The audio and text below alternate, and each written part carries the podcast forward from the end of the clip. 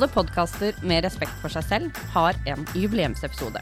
Og i denne episoden har vi plukket ut de beste tipsene, episodene og innleggene vi husker fra de første 20 episodene. Vi er Helde Børge som kan drive med dette. Ja, vet du hva. Og så mange spennende gjester vi har hatt, og så mye vi har lært. Skal vi begynne med et klipp fra den mest hørte episoden, da? Hvem var det? Andreas Hoberg fra Oda. Det er jo sånn hos dere og, og egentlig hos alle andre, det er jo ikke alt som kan automatiseres eller er automatisert. Eh, fordi man har jo mennesker og, og sånt. Eh, hvordan tenker du sånn i, i, forhold til det her med automa, automasjon og versus menneske? på en måte? Altså, Har dere noen tanker rundt det? Jeg tror det altså på mange måter kan gå hånd i hånd. Um, og man vil alltid gjøre en vi vil alltid gjøre en vurdering på hva, hva er fornuftig å automatisere. Mm. Og hva, er, hva mener vi er fornuftig å videreføre manuelt. Mm. Og mm, det kan du angripe på samme måte som du gjør med, med alle mulige andre problemstillinger rundt hva tror vi er, hva vil vi få igjen for å automatisere det, hva er kostnadene av det, kontra det at vi gjør en prosess eller en oppgave manuelt. Mm. Uh, hvor du bringer inn HMS, kvalitet, effektivitet osv. I, um, i en sånn vurdering. Um, og så handler det om en prioritering òg. Hva skal man fokusere på? Hvor krevende vil det være? Hva er riktig neste fokusområde? Selv om vi vet at okay, det her kan vi gjøre mer effektivt her, men vi bruker ressursene og tiden vår bedre på å fokusere på noe annet nå, f.eks. Mm, mm. Så det er kontinuerlige av, avveininger som gjøres, og jeg er helt trygg på at um, hvis vi skal fortsette å være konkurransedyktige internasjonalt, så må vi fortsette i den takta vi har nå. Vi kan ikke si at nå, og sette oss tilbake og si at nå er vi fornøyd. Vi skal jobbe videre og, og forsøke å alltid ligge et hode og to foran våre konkurrenter. Eh, og da må vi søke eh, å ha den utviklingen her og holdningene videre. På den, på den nye, Det skal jo bygge et sagt nytt lager på, på Lier.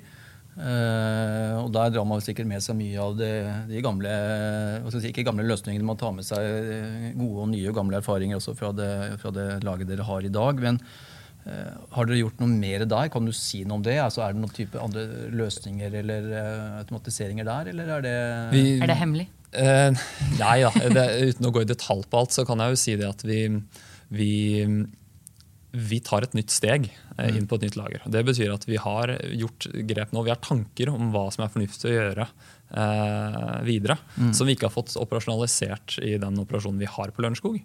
Eh, og så tar vi et nytt steg der. Og så er jeg helt sikker på at det er heller ikke et endelig, endelig eh, steg. Eh, og det, den, den, utviklingen kommer bare til, eh, ja. til å fortsette. Og det er til jeg tror, byggherres eh, frustrasjon delvis òg, eh, og arkitekt og sånn. Men, men, vi forberedte de litt på det her i forkant. At eh, vi er igjennom, når vi startet den planleggingsprosessen av det lageret, så visste vi så mye som vi visste da. Og underveis, når vi holdt på å skulle sette opp bygget og designe hvordan det skulle se ut, og så, videre, så får vi nye ideer underveis som gjør at den opprinnelige operasjonelle liksom, operasjonelle ja. prosesser og sånn endrer seg litt, og som får litt endringer i hvordan bygget ser ut. Og så til slutt må man sette at nå er det nå er siste, siste, siste Nå må vi lukke det før på en måte, nå starter ja. byggingen, og da får vi ikke gjort noe mer. Ja. Men uh, de har Eh, og det, det, tror jeg eh, Jeg tror de ser eh, de har, de har, gitt uttrykk for at de aldri har vært borti å tegne et bygg så mange ganger innvendig. hvordan det skulle se ut, Før man på en måte starter byggeprosessen fra en start til, til byggingen starter. Og det, det, er nok, De har en forståelse og ser på en måte de endringene, forbedringene og ideene som kommer underveis. Da. For det er klart at en type sånn Shuttle og autostore det er sånn for netthandel det er jo ikke noe dere har mulighet til å, å bruke eller ser noen fordel med? Nei, Vi har valgt å gå en en annen vei. Mm. Eh, hvor du har Okado som, i England, som har holdt på i, eh, siden slutten av 90-tallet med dagligvarer på nett. Har jo gått for en, en uh, sånn type løsning. Um, og vi har tro på noe annet. Um, ja, vi òg. Så, ja. Hva er grunnen til det, tenker du? Altså, Nei, vi, det er en enorm kompleksitet i det. Eh, enorm eh, investering eh, i eh, en sånn typers gigantisk kube som de har. Eh, mens vi kan gå inn med en vi har en operasjonell modell nå som presterer bedre av det vi kjenner til, og hva de sett av de har delt av operasjonelle KPI-er. Eh, alt fra kvalitet og effektivitet osv. Hvor vi presterer bedre eh, enn de eh, på samtlige. Og det gjør oss måte trygge på at de vurderingene vi også har gjort, er, kan være gode der. Um, og, og, så gjelder det vi, vi, ser at vi fortsatt har stort potensial og skal videreutvikle det her. Uh, det, der vi er i dag. Så um, vi har valgt å gå en annen, litt annen vei enn det de har gjort med den store kubeløsningen. Men Varepåfylling er også litt komplekst, er det ikke det? Altså det å på en måte faktisk eh, sette varer i reolene på en måte når man skal plukke? Det er eh, ja, alle ja. på en måte stegene eh, er er viktig å ha full kontroll på. og vi, vi jobber i vi, jobber i en, i en prosess, prosessene våre som har en veldig kort syklustid. Det er, så, det er veldig hypp, F.eks. en plukk av vare, så går det veldig rask tid mellom hver gang du gjør det.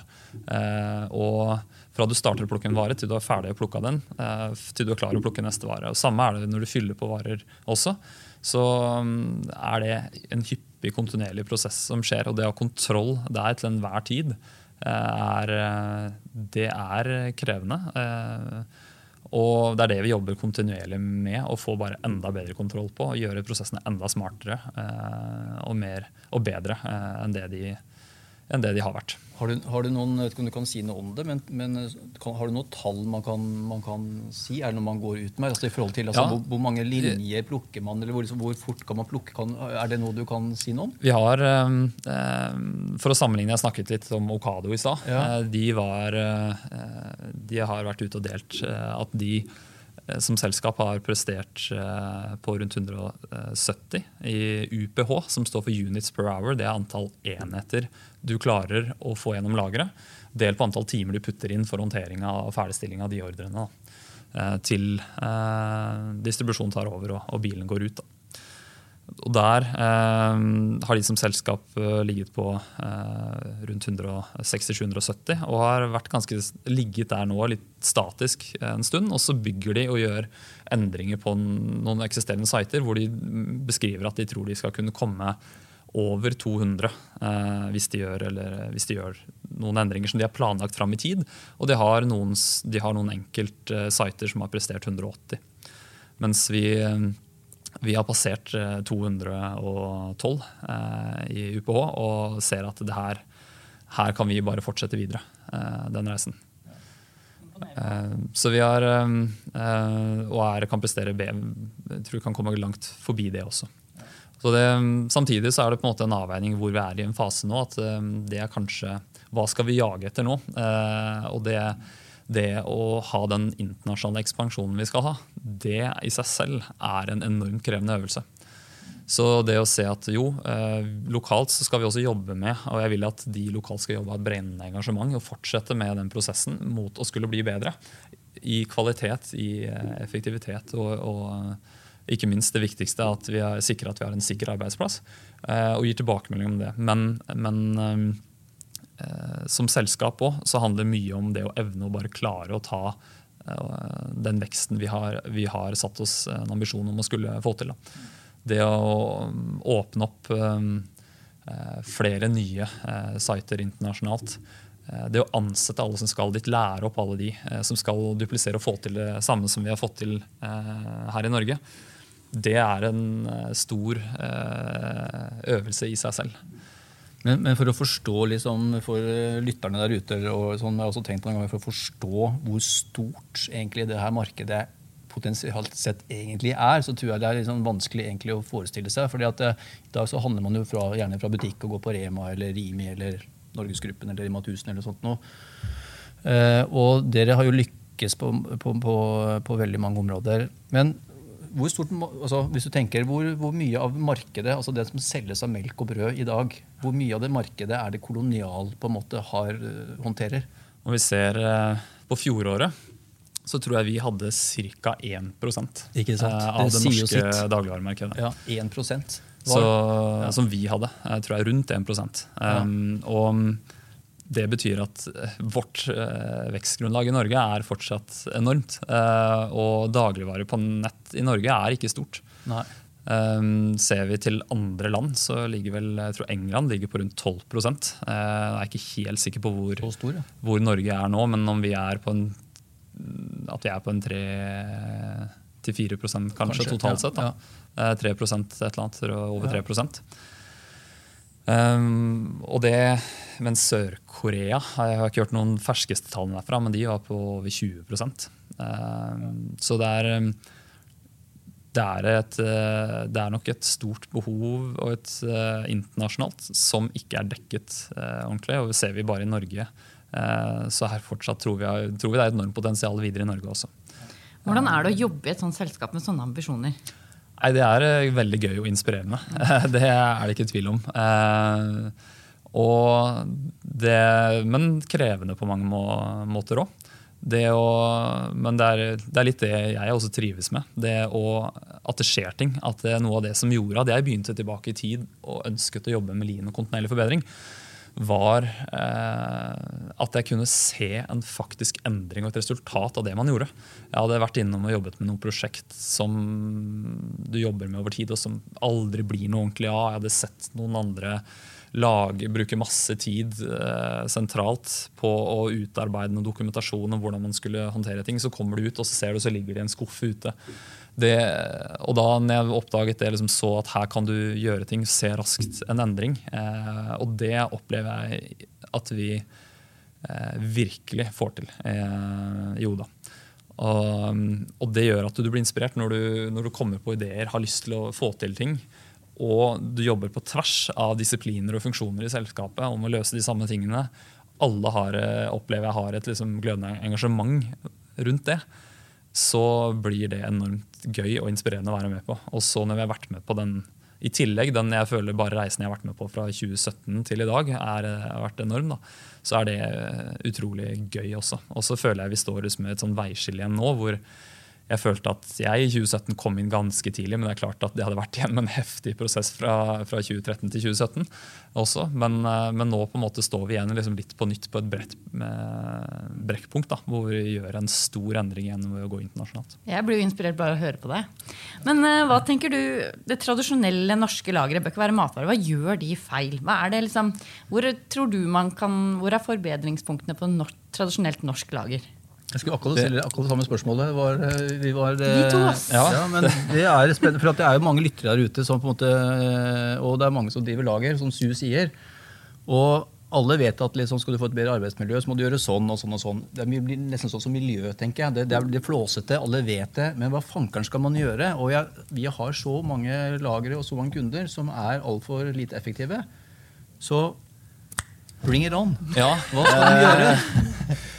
Nei, jeg tror eh, Om de ikke gjør noe feil, men om de skal tenke hva kan vi gjøre for å bli bedre, hva kan vi gjøre som er bedre, det jeg opplevde fra tidligere, det ligger litt i kultur, tror jeg, er et viktig, viktig del av det. Um, det at alle har et engasjement og jobber mot de samme tingene. Uh, på tvers, som jeg snakket om flere ganger nå, av disipliner. Av, og at du har et engasjement for det. Og hvordan skal du da få til det? Jo, det må være at du gir folk muligheten til å få et ansvar for det. Um, og at de opplever mestring ved det. Eh, suksess, og at de kan feire det. Og få en positiv følelse av at du har bidratt og vært med på å skape noe. Det tror jeg er næring for å drive det videre. Um, jeg, er det én ting jeg har sett uh, fra jeg begynte, begynte i Oda, er at mange har fått muligheten. Det er folk som har kommet inn uten noe lang utdannelse. Eh, kanskje vært ferdig med videregående, ikke har hatt så veldig mange andre jobber og jobbet seg derfra og videre oppover, men har fått muligheten, fått sjansen, gripe den, tatt den. Og er utrolig flinke mennesker, smarte mennesker, eh, som har tatt eh, steg for steg. Eh, og som har et brennende engasjement da, for det de driver med da. Og da, da, trenger du ikke å gjøre mye når det kommer. Så, så sprer det seg til de andre rundt i tillegg.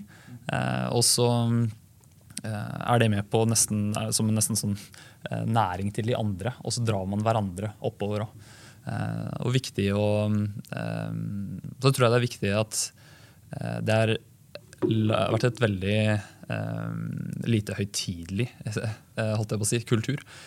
lavt mellom en operatør og opp til Carl. som Det betyr at det er, det er ingen man, gå, man går og prater med hvem man vil og kan si det man tenker og mener. Bruker tid på å se de ansatte og forstå hva er deres behov. Det er, tror jeg er enormt viktig. Og gjennom klarer man å få til det her og et godt samarbeid på tvers, så Eh, så tror jeg det er noen veldig viktige faktorer. Jeg har møtt andre, kommet svært andre steder hvor jeg har møtt liksom, at vi, ja, det her har jeg prøvd før, og det her Nei, er det noe poeng det, da? Eller, eh, det å sette ambisjoner da, eh, og få folk med, eh, og det å klare å snu en sånn type holdning, det, det kan være veldig krevende. Men det, det, gjør noe med at det handler ikke om at én person kan få det til, eller noen få en liten gruppe alle må med. Eh, og alle ledere må ta et ansvar i å tenke sånn og, og agere sånn. Og hvis alle gjør det, så kan man få til mye, tror jeg. En annen episode jeg husker veldig godt, og en av mine favoritter, er besøket av Per Henrik Stenstrøm. Han var innom og snakket om personlighetstypene du møter på arbeidsplassen. Og ikke minst hvordan du takler idiotene på jobben. Ja, jeg fikk litt å tenke på. ja, hør her. Hvordan kan man liksom opplyse seg selv og bli bedre på å, på måte, å på måte se seg sjøl utenfra? Er det noen teknikker på det, eller har du vært borti hvordan man ja. ja. Ja, definitivt. For det tenker jeg jo altså Jeg holder jo mye foredrag rundt omkring, og så syns jeg det er ekstra gøy når man kan få jobbe litt med workshoper. da, altså At man kan jobbe med dette her litt sånn i bakkant. fordi det er jo det som er så krevende, er jo da den derre evnen til å se seg sjøl utenfra. For det skjer jo ikke så veldig mye før du før du gjør det. Og så mener ikke jeg at, skal, at, dette er ikke en bok for at vi skal forandre oss, eh, men vi skal bli mer nysgjerrig på de vi ikke forstår oss på. Eh, og dette her da, som du sier, Børge, altså primadonnaen og elefanten i rommet f.eks., som alle egentlig tenker at det er, det er, denne personen vi snakker om. Skjønner du ikke det? og det er ikke sikkert den personen skjønner i det hele tatt. Og da kan vi jo ikke liksom presse folk. Jeg kan jo stå her og si at jeg er en helt fantastisk far. Jeg er så inkluderende raus, jeg bruker så mye tid på ungene mine. Men har jeg spurt ungene mine om det? Er det liksom objektivt det jeg sier, eller er det bare subjektivt? Og stort sett så er det jo subjektivt. Men eh, det skjer jo ikke så mye med dette her før man kan begynne å snakke litt om det. da. Altså, Hva er det jeg vil se litt mer av hos eh, altså, hva, det, hva vil du se litt mer av hos meg, eh, Børge, og hva vil du se litt mindre av hos meg? ikke sant? Av disse typene. Vi leker litt med det. Det er litt humoristisk, det er litt ufarlig. Jo, jeg tenker Per Henrik, at du er en primadonna, kan du få lov til å si til meg da. Du har en del av disse trekkene. Du blir bl.a. jævlig forbanna når vi begynner å diskutere, og så kan jo jeg si hæ? Blir jeg forbanna? Aldri tenkt sånn på det, Børge. Jeg er jo ikke forbanna, jeg. Jeg er bare engasjert. Jo, men jeg trekker meg unna, kan du få lov til å si. Jeg, jeg syns det er ubehagelig. Og så kan man i hvert fall begynne eh, å nærme seg dette her på en eller annen måte, da. Eh, og det er jo ikke alltid lett, men jeg opplever jo at det skjer noe. Fordi det er få som har tenkt igjennom hvordan jeg virker på de jeg jobber sammen med. Det er helt klart. Jeg fikk, når jeg kom til Superoptimisten, så tenkte jeg å, det er ikke meg. Men så så begynte jeg å lese om den der ta vaffelfredag og lønningspill på Teams og alt dette her. Så tenkte jeg det er folk i Li som er jævlig irritert på at jeg ber dem logge seg på klokka åtte på en fredag. Uh, og jeg liksom tvinger det ned. Det er jo ikke greit. Jeg kjente at du, det er ikke greit, så du må slutte med det. Har du lyst, har du lov, men det er helt greit å ikke være med. Ja, det er veldig ekskluderende, eh, alle sånne tiltak som er lagd for å være inkluderende. Som du sier, dra på tur, teambuilding, hyttetur, alt dette her. Det blir så bra, vi blir så gode. Eh, og sammenspleisa. Og så er det en hel del folk som tenker at det der har ikke noe med mitt arbeidsliv å gjøre. Jeg vil ikke, jeg gjør alt for å unngå det. Og da begynner Su og da begynner du å sette opp liste, ikke sant? for da veit du hvem som er utafor. Og er du ikke med, så er du utafor. Ja, og, og da farlig. skaper det egentlig større ja. avstand enn det vi I, i motsatt til det vi, vi, vi egentlig ønska. Mm. I boka så skriver du om en eh, bedreviter. Fortell litt om han. Nei, var en, vi var en uh, liten gjeng som skulle ut og, i forbindelse med et utdrikningslag. Uh, og så skulle vi da møte opp uh, på en liten sånn flystasjon, altså for sånn småfly, og skulle, hadde betalt og skulle fly med en pilot. Og ut av den der stasjonsbygningen så kommer det en, veldig ung gutt med pilotbriller, og vi var jo helt sikre på at han skulle, ja, var noe teknikk, altså skulle gjøre et eller annet, men så viste det at det var han som var piloten. Og vi blei livredde, for vi tenkte er han 16, er han 17? eller kan han ha fylt 18 år? Og han var liksom så cocky, og han var så selvsikker. eh, og kom ut og liksom hilste oss velkommen. Han gjorde alt riktig, men vi bare tenkte at det, Og jeg husker jeg begynte å google sånn der, Hva er aldersgrensen for å fly?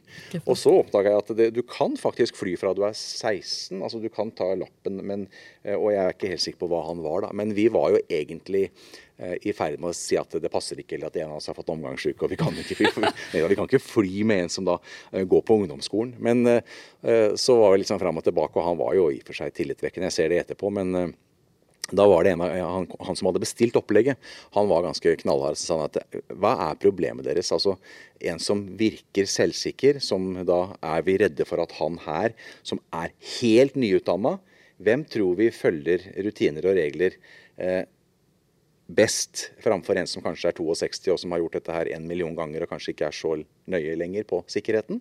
Og da var vi jo ja, jo, kanskje, men allikevel. Han er veldig ung, og han er så cocky.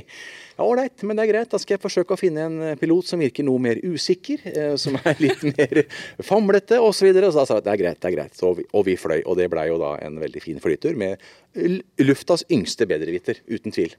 Ikke sant? Så det var eh, fint å, å, kunne få lov til å tenke over det. At uh, unge folk og pågangsmot og, og selvsikkerhet, det er uh, fint, det. Det er ikke feil, det. Nei. Hvem, du har jo vært leder i mange år, du òg. Hvem syns du er vanskeligst å lede?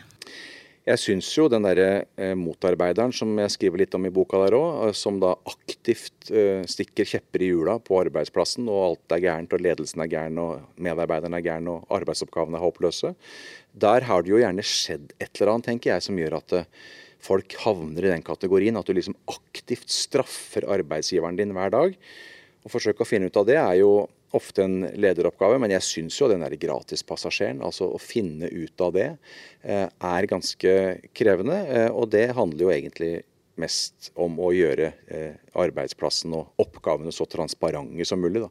At vi veit hva vi jobber med, at vi har en sånn viss oversikt alle sammen. For da er det vanskeligere å stikke seg unna å være den der profesjonelle unnaslunteren. Men jeg tror de fleste ledere kjenner seg igjen at det, de som ikke er med og trekker eh, lasset, eh, de er vanskelig å få om bord. Og da må du kanskje rett og slett kvitte deg med dem.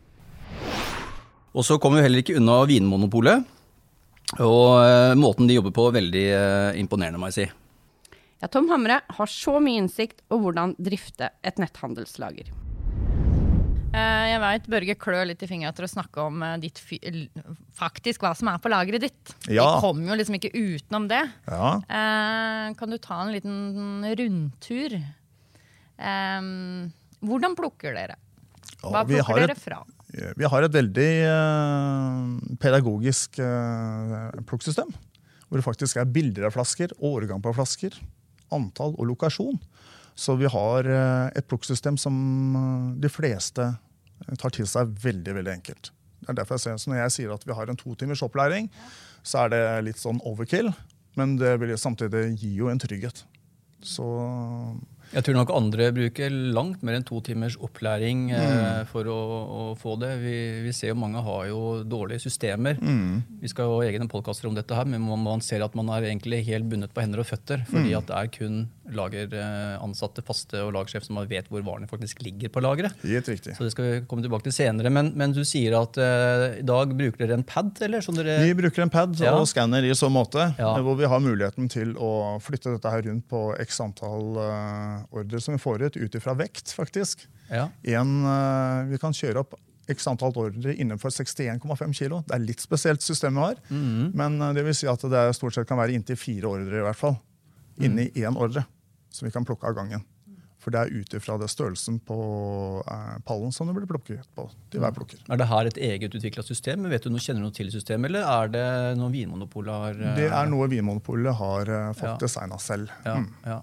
Ser du at eh, sånne typer systemer er viktige for andre for lyttere der ute som eh, sliter med system på lageret? At man, eh, det her med, si, med bilder liksom, at man, Det er kanskje litt viktig å ikke ha så mye feilplukk. da, Hvis du plukker feil champagne, liksom, så er, koster det jo litt, kanskje? Ja, i den bransjen jeg er i, så, ja, så kan det fort bli en kostbar affære. Det er riktig. Ja, ja, ikke sant? Og vi har jo også, Idet man skanner produktet, så gir det en bekreftelse på at det er et produkt i så mm. måte. Mm. Så man skal i utgangspunktet ikke klare å plukke feil produkt. Mm. Men mennesker er mennesker. Ting kan skje. Vi er ikke ufeilbarlige, men det ligger høyt der oppe. altså. Mm. Hva, de, hva slags, kan du si litt om liksom, løsninger som dere har inne på lageret? Er det noe, er det noe automasjon? Er det vanlige roller? Er det pallroller? Eller? Nei, det, Børge, det, dette har jo dere hjulpet oss med. Dere har vært fantastiske der. Så der vi ligger på nå, er vi heller på den manuelle biten for øyeblikket. Mm.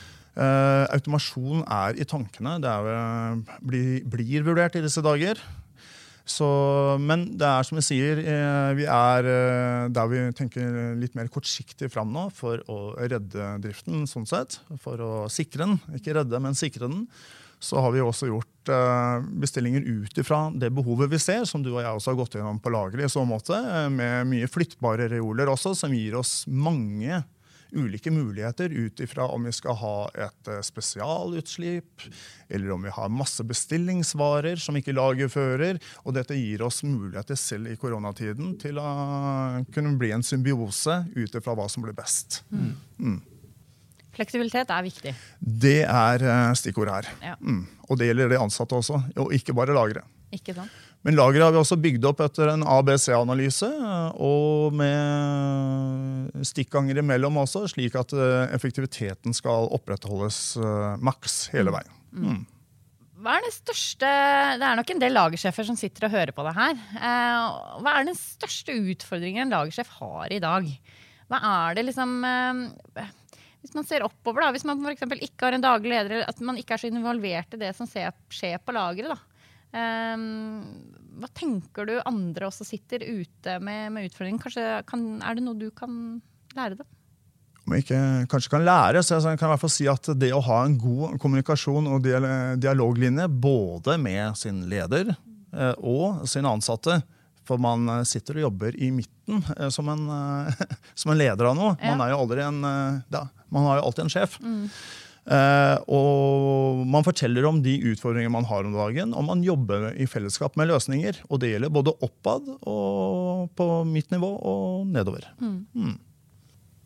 Jeg, har jo, eh, jeg ser jo, Du nevnte jo det her med, med, ansatte og miljø og sånt. Mm. Og mitt inntrykk eh, Nå har ikke jeg jobba på Vinmonopolet, men jeg har vært på mange vinmonopol og har inntrykk av at det er at det er hva skal vi si, et, mye hyggelige folk. Det var litt sånn folkelig å si det. Eh, og Takk. man har jo sikkert noen verdier man har med seg, selv om det på en måte er For netthandelslageret er jo på en måte som en egen butikk. på en måte. Eh, men det er jo no, noen verdier der som jeg tror mange kan ha, dra nytte av. For det er jo, mange andre vi kjenner har jo stor altså Folk kommer og går og slutter hele tiden. De har stor, stor turnover på ansatte. De er der korte perioder. Hvordan, hvordan har dere klart liksom, å holde det har jo hatt, det har ikke hatt mye utskiftning der. altså En som har slutta, har jeg skjønt, eh, sånn på frivillig for at de måtte gjøre noe annet. Ellers har alle vært der til enhver tid. Mm. Ingen har slutta. Det er jo helt fantastisk.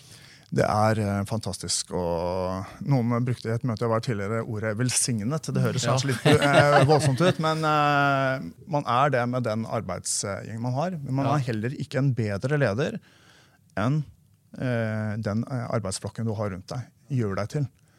Og det må du aldri glemme. Du skal aldri sitte på din høye hest. Man må jobbe som et team. Man er et team, som jeg kaller meg. Eh, altså jeg, eh, folk har brukt ordet i de stillingene som har vært før meg tidligere, både boss og alt dette her. Som jeg sier, jeg er, jeg er ansvarlig. Jeg er med dere, men jeg tar ansvaret når det går galt. Men jeg gir dem også frihet til å feile for å finne ut av ting.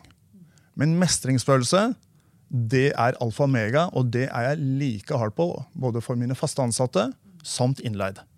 Alle skal føle en trygghet i det de gjør. Men de må også være med i en dialog på tilrettelegging og veiledning hvis ting heller ikke fungerer optimalt.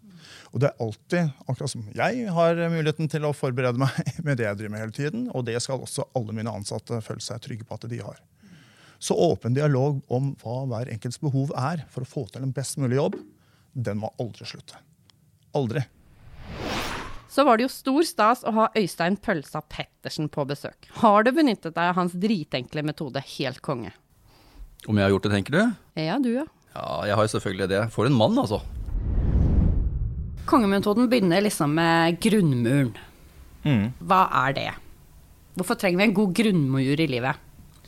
Eh, nå høres det ut som jeg har alle svarene, og det, det er ikke, dette er min oppfatning, min personlige oppfatning. Men jeg mener at uh, samfunnet har forelska seg i et suksessbegrep som er riv ruskende feil. Jeg mener at eh, samfunnet, slik jeg ser det, eh, verdsetter prestisje, resultater alene. Titler, penger, status, hvilke biler kjører, og det ene. Og jeg skal ikke si at det er feil, og jeg også er veldig glad i gode resultater, og det er det vi lever av alle sammen, men inngangen til suksess det er noe annet enn resultatene alene. Jeg har vunnet et olympisk gull, og det er et fantastisk resultat. Men det har ingenting med suksess å gjøre. Eh, for jeg mener at suksess er en følelse. Jeg mener at suksess føles, som tittelen på boka, helt konge. Jeg mener at det, det, å lykkes er for alle. Det å bli best er kanskje for noen få. Men uh, inngangen til å lykkes er gjennom å vite hvem du er, hva du står for, hvordan du faktisk opptrer, hva du bringer til bordet. Og at det du gjør, er i henhold til det du sier at du skal stå for. Så jeg mener at det er derfor det er så viktig å ha den grunnmuren, for det gjør deg litt usårbar for de resultatene du skaper i utgangspunktet. Eh, jeg kjenner mange folk som har fantastiske resultater, men som ikke har et snev av suksess. For det henger ikke Det, det, det korrelerer ikke nødvendigvis. og Derfor så mener jeg at det, den grunnmuren som man skal bygge alt på, forhåpentligvis skal ha kongefølelsen, den er så drita viktig å definere. For da er du veldig usårbar for hva det er eh, utbyttet blir i, i andre enden, hver eneste dag. Men så vet jo jeg at hvis folk går rundt og føler seg helt konge, hvis folk går rundt og så faktisk opptrer i henhold til egne verdier, da, f.eks., så er folk stort sett ganske gode folk som er bevisste på hva de gjør, og hvilke handlinger de gjennomfører. Og gode valg og gode handlinger over tid, det leder til fantastiske resultater. Så det er ikke noe sånn at du må velge enten den ene eller den andre leiren er sånn. Jeg mener at uh, den boka som jeg har skrevet, og, og også denne tankegangen, sikrer deg, i tillegg til gode resultater, suksess. Det mm. å være bevisst hva det er man faktisk har lyst til å verne om, og, og, og priorit, tørre å prioritere det. Men man har ikke lyst til å skuffe noen, så sier man ofte ja til andres forventninger. Og så, og så når man da gjør dette, så kan det godt hende at de blir tilfredsstilt. Men det går stort sett utover deg sjæl og de du har lyst til å bruke tid, energi og ressurser på. Eh, folk har sagt til meg f.eks. at ja, for å, for å lykkes så må man jo være en egoist. Og så hører jeg det som en sånn litt sånn negativ greie. Eh, og jeg er helt enig i at for å lykkes så må du være egoist, og det er derfor jeg spiller inn dette digitalt og ikke fysisk i studio, fordi jeg, egoistisk nok, verdsetter tid sammen med familien på en fredag større enn å være i studio sammen med dere og reise fram og tilbake fra Lillehammer, for det ville jeg brukt hele dagen på, og nå bruker jeg bare den tiden vi sitter og prater sammen. Og det er veldig egoistisk, men jeg føler meg helt konge når jeg logger av her sånn, og jeg har gjort den jobben jeg har lyst til å gjøre, og kan hente i barnehagen. Jeg har aldri brukt ordet moment i livet mitt eh, sånn ah. så veldig. Og så sitter jeg og ser på håndball-VM, og alle gutta der snakker om at nå har vi funnet moment. Og har du, har du vært på foredrag hos deg, håndballgutta? Nei, det tror jeg ikke, men jeg tror de er ganske bevisste det samme mekanismene. Altså, moment er på en måte kanskje det jeg er aller mest opptatt av å ivareta i hverdagen. Hvis du hadde spurt meg hva jeg er livredd for, så er det å miste moment. Og med moment så mener jeg ikke det engelske moment øyeblikk, men jeg mener liksom følelsen av å være på vei et eller annet sted. Jeg mener at det er det man søker, mer enn resultatet alene. Og det, det kan jeg bekrefte på mange ulike områder. Jeg har vært med på store ting, og det er veldig gøy å få til noe. Men det er en sånn eh, en, en gledesrus som går over. Men det momentet der sånn, det er en daglig greie som hele tiden fjuler alt jeg egentlig brenner for. Da. Altså, jeg brenner for hverdagsglød. Jeg brenner for eierskap, entusiasme, lidenskap, barnslig lyst til å stå opp og gjøre et godt stykke arbeid. Og grunnen til at jeg brenner for det, er fordi at jeg ivaretar momentet. Og momentet, det heller bensin ned i de følelsene som jeg går rundt og kjenner på. Altså, jeg ser på f.eks. motivasjon, da. Folk sier at du kommer og motiverer meg. Så jeg sier nei, det går ikke. Du må skape motivasjon sjæl gjennom å gjøre det som skal til for at du f.eks. skal bli modig. Hvis du bestemmer deg for å gjøre det som skal til for at du definerer deg selv som modig, så kommer du til å kjenne på momentet. Og det momentet der sånn, det kommer til å øke motivasjonen din. Det kommer til å øke mestringsfølelsen, det kommer til å øke meninga, så lenge målet ditt er viktig og riktig. Og, og alt du søker, ligger egentlig i momentet.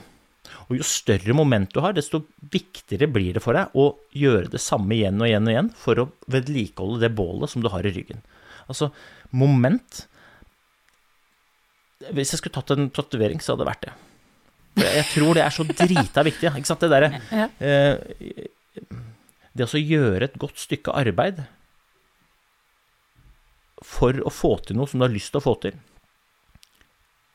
Konsekvensen av det er moment, og i momentet så brenner alle følelsene vi egentlig jager. Konge det er et akronym, slik at folk skal huske det. Og så er helt konge beskrivelsen av hvordan jeg føler meg når jeg får til noe. Jeg føler meg helt konge når jeg får til noe.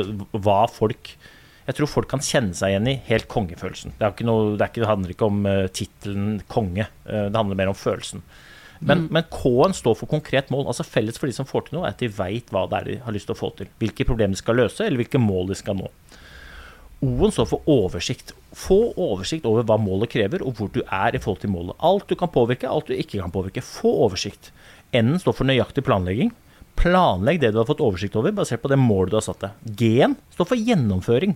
Gjør det planen sier, basert på oversikten, basert på målet. Én, Dritviktig. Én står for evaluering. Sjekk at det du gjør, bringer deg nærmere målet. Hvis det gjør det, få tak i årsaken til hvorfor, og begynn på nytt, enda smartere. Hvis det ikke gjør det, få tak i hva det er som gjør at du beveger deg lenger unna målet. Begynn på nytt, enda smartere. Og så er det en ny runde. Så jeg mener jo at eh, kongemodellen den kan brukes til å løse det problemet ditt. Men så må man jo da skille mellom noe annet også. For én ting er jo på en måte å løpe etter sin egen hall og løse de problemene og utfordringene man står i. Men hvis man da skal vokse, f.eks., bli bedre, om det er på bedriftsnivå eller om det er på personlig nivå, du skal bli modigere, eh, mm. eller bedriften skal løse disse logistikkproblemene, da tror jeg man må skille mellom endringer og utvikling. For jeg mener at det er to forskjellige ting. Endringer er noe som kommer utenfra, og som du må reagere på. De som løper i, etter egen hale, de driver med endringer og bare reagerer. De som blir bedre, hvis du skal bli modigere, så må du gjøre noe annet. Og det er ikke å reagere, men det er å agere. Det er utvikling. Det er bevisste valg og bevisste handlinger i den konteksten du står, for å se om du kan løse ting på en litt annerledes måte for å drive utvikling. Og det er to helt forskjellige ting. Alle driver med endringer hele tiden. Det må vi gjøre. Altså Alle sammen må forholde oss til endringene som kommer. Men litt for få driver med utvikling. Og jeg skulle ønske at folk hadde tatt det eierskapet til at uansett hvor god du er, så fortsett å drive med utvikling. da. Få tak i hva det er som gjør at du er blitt så god i utgangspunktet, og se på hvordan du kan bli enda bedre. For Hvis ikke du gjør det, så velger du aktivt å gå over i 'jeg skal bare reagere'-båsen. Og da til slutt så kommer det noen konkurrenter som skaper utvikling gjennom å drive med utvikling daglig. Når de når et visst nivå, så må du reagere på dem. Og så har jeg en lapp eh, på hjemmekontoret mitt et stort A4-ark. Kan du tenke deg hva det står på det arket? Hvor var det det hang, sa du? På hjemmekontoret over PC-en min. Der står det et hvitt ark, og der står det Hvor god, dag. er du oh! når ingen ser deg? Fy flate, det er altså det. Hæ? Er, eh, hvor god er du når ingen ser deg? Det er et nydelig eh, Helt rått at du har det der. Helt rått. Altså, hvor god er du når ingen ser deg? Um, jeg skriver om det i boka. Det, det handler om standard. Mm. Det der dreier seg om standard. Og standard mener jeg er mest synlig når du er usynlig. Det er lett å være god når vi sitter her på podkasten, eh, for da er spotlighten på. Men de mm. valgene vi tar når ingen ser oss, det, ned, det, koker ned til standard. Hvor god er du når ingen ser deg? Det er da egentlig en, eh, en omskriving av noe jeg lærte for mange år siden av min far på et skirenn, som da fortalte meg at de beste går fort også der hvor ingen ser dem. Mm. Og det har jeg brukt altså så mye, for jeg mener at det er summen av standardene dine, altså de valgene du tar og de handlingene du gjør når ingen kan kontrollere deg, som avgjør hvilken scene du står på. Men ikke i betydningen den beste scenen, men i den scenen du har lyst til å stå på. Jeg mener at standard er direkte knytta til om du føler deg helt konge eller ikke. Et hverdagslig eksempel. Du skal kaste søpla. Så ser du når du kommer dit at søpla er full. Det er ingen der, men du ser at søpla er full. Og så er det din standard som avgjør om du tar det du skal kaste, og dytter søpla ned. Eller om du tar opp posen, tar opp, putter oppi det du skal kaste, knyter opp i posen, tar opp en ny pose søpla, går ut med søpla. Det er standard. Vi er klare for 20 nye episoder, vi, Børge. Gjett om vi er.